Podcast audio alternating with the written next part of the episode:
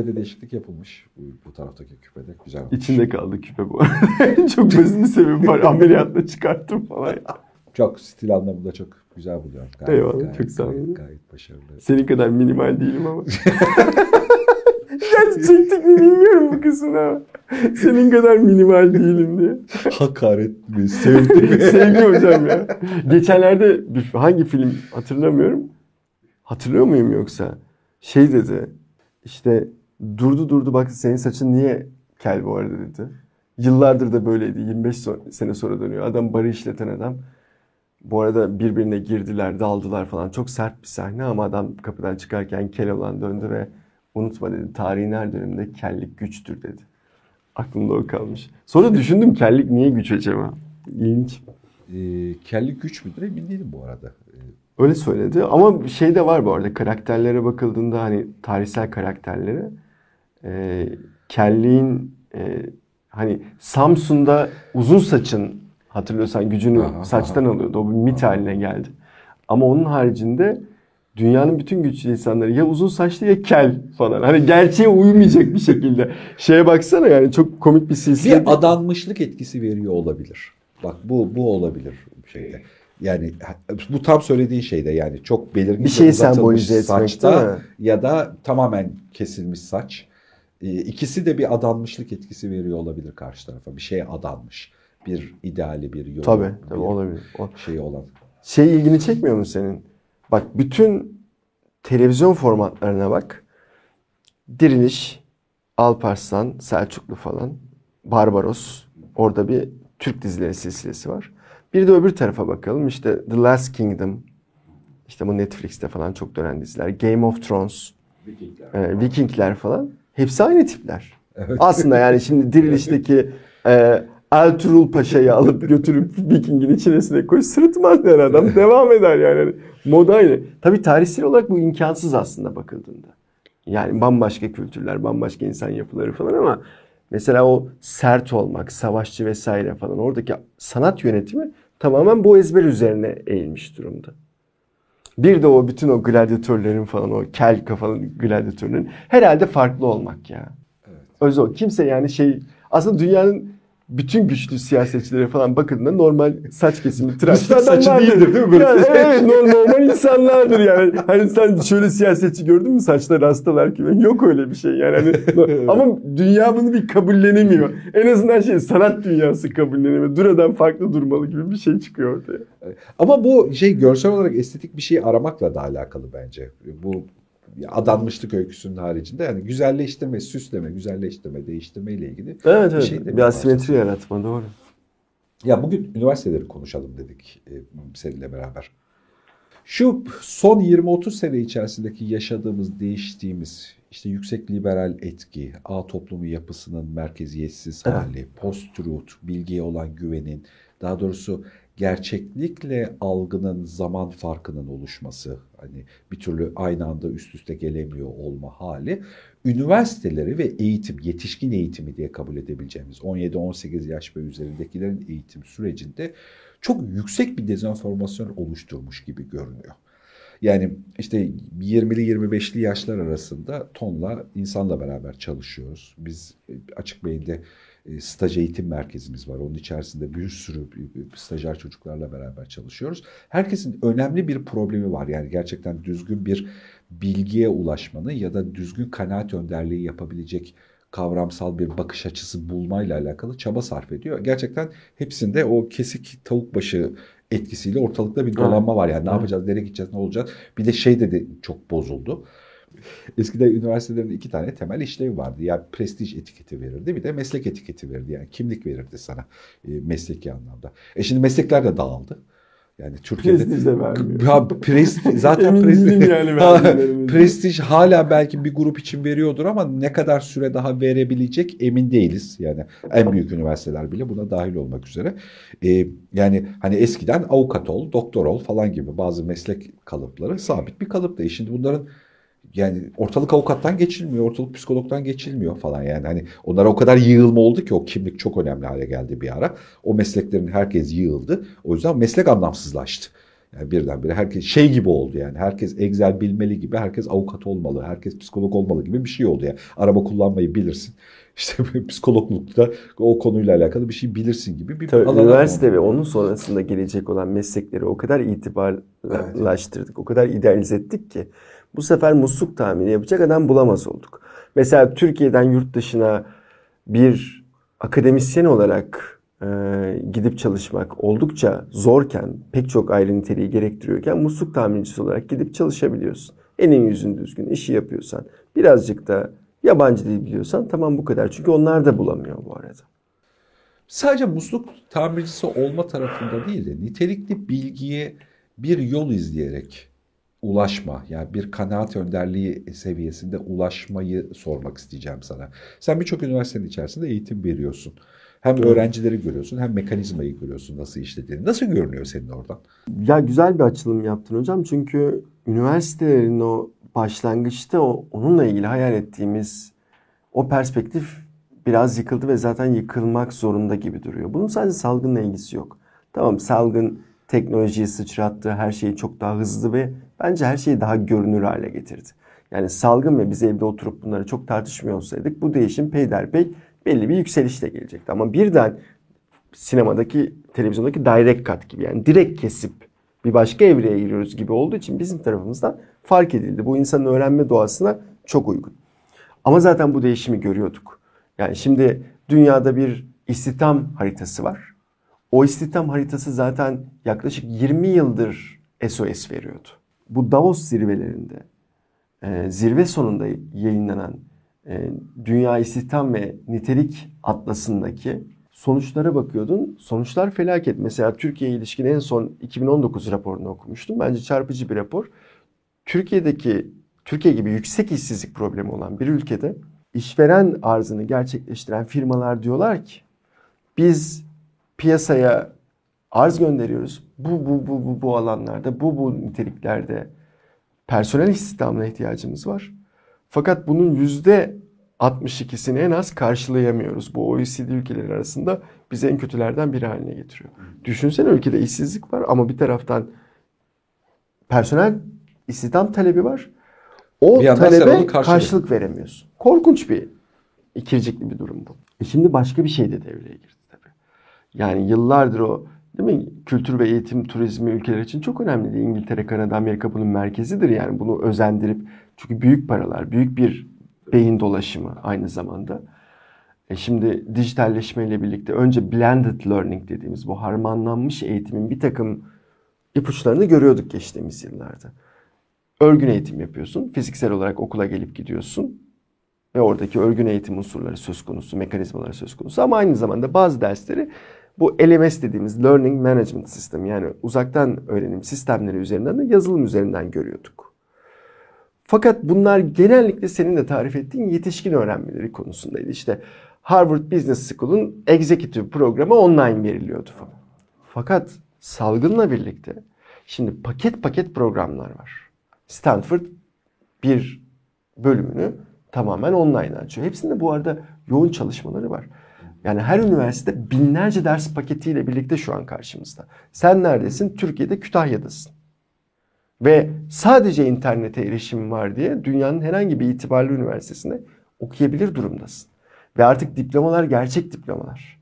Yani oradaki sertifikasyonlardan falan bahsetmiyoruz. Bu arada o sertifikalar da çok devasa ilerliyor. Onlar da çok önemli bir yetişkin öğrenimi biçimi haline geldi. Bunun ama bu kadar kolaylaşmasının bir karşılığı olarak da o sertifikanın ya da o diplomanın piyasada artık anahtar görevi görmeme fonksiyonu.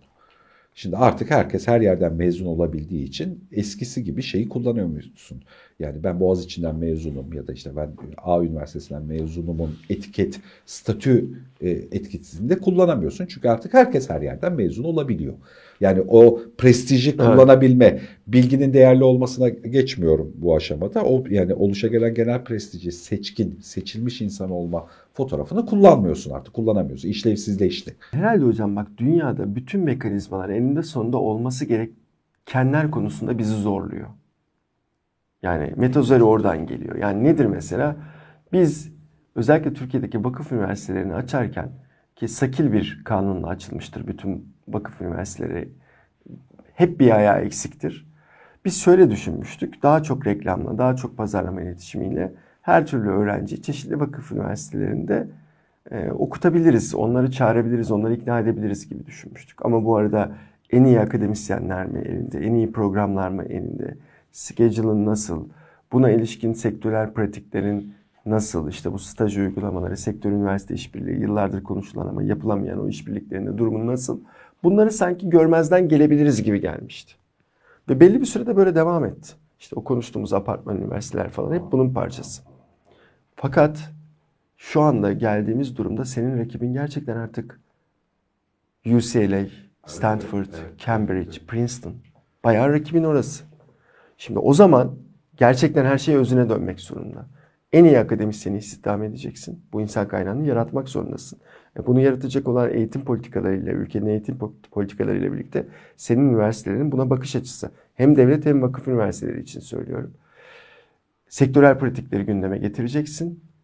Ee, çağdaş evrensel bilimsel araştırma e, geliştirmeleri fonlayacaksın ve destekleyeceksin.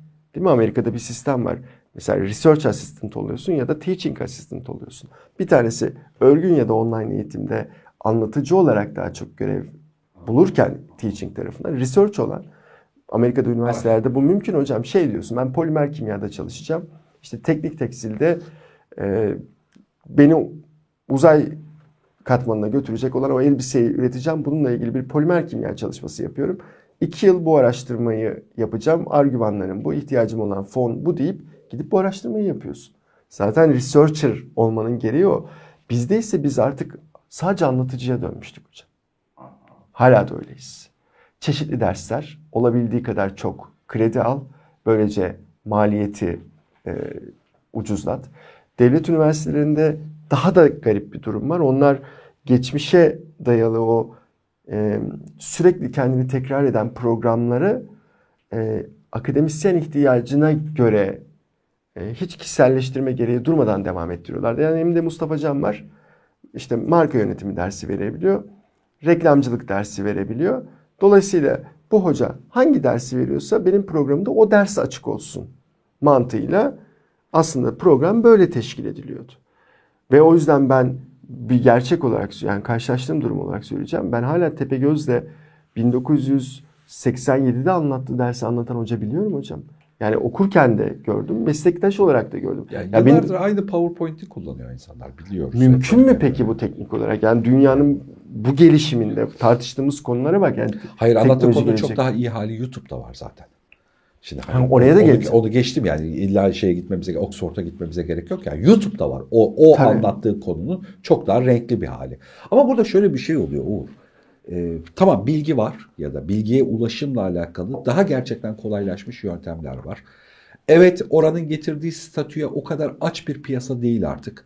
Bilgiyi bilmeni biraz daha önemsiyor. Yani bilgiyi biliyorsan iş daha işlevli kabul ediyor. Yani şu üniversiteden mezun olmak zorundanın ötesinde bu bilgiyi biliyor musun ya da bu tecrübeye sahip misine daha ilgili bir piyasa var göreceli olarak. Fakat burada sorun şu. Bir şeyin eğitimini alırken hepimiz ihtiyaç duyduk ya bir kanaat önderliğine ihtiyaç duyuyorsun. Bilgi var da ben bu bilgiyi nasıl anlayacağım? Ya işte, işte Türkiye'de 8,5 milyon 10 milyon Suriyeli varmış. Tamam bu bilgiyi aldım ama ben bununla alakalı bu, bu bilgiyi nasıl anlayacağım?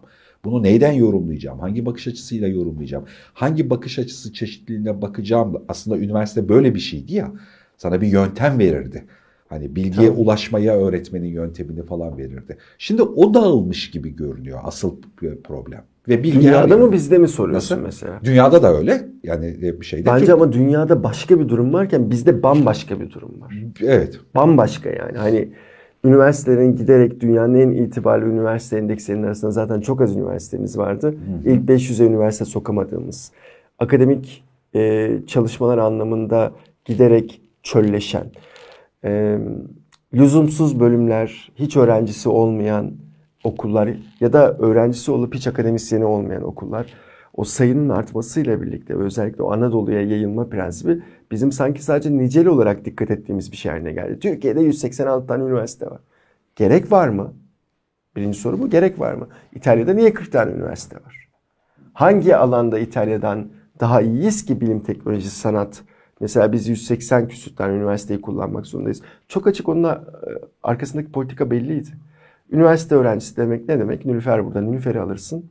İşte götürürsün Artvin'de bir üniversite açarsın. Onunla birlikte bir 5000 arkadaşının oraya gelmesini planlarsın. Karşısına kafeler kurulur. Arka tarafta diğer mekanizmalar, taşıyıcı unsurlar, yurtlar vesaire falan derken orada bir ekonomik ekosistem kurarsın. Dolayısıyla Artvin'in o kısmı gelişir.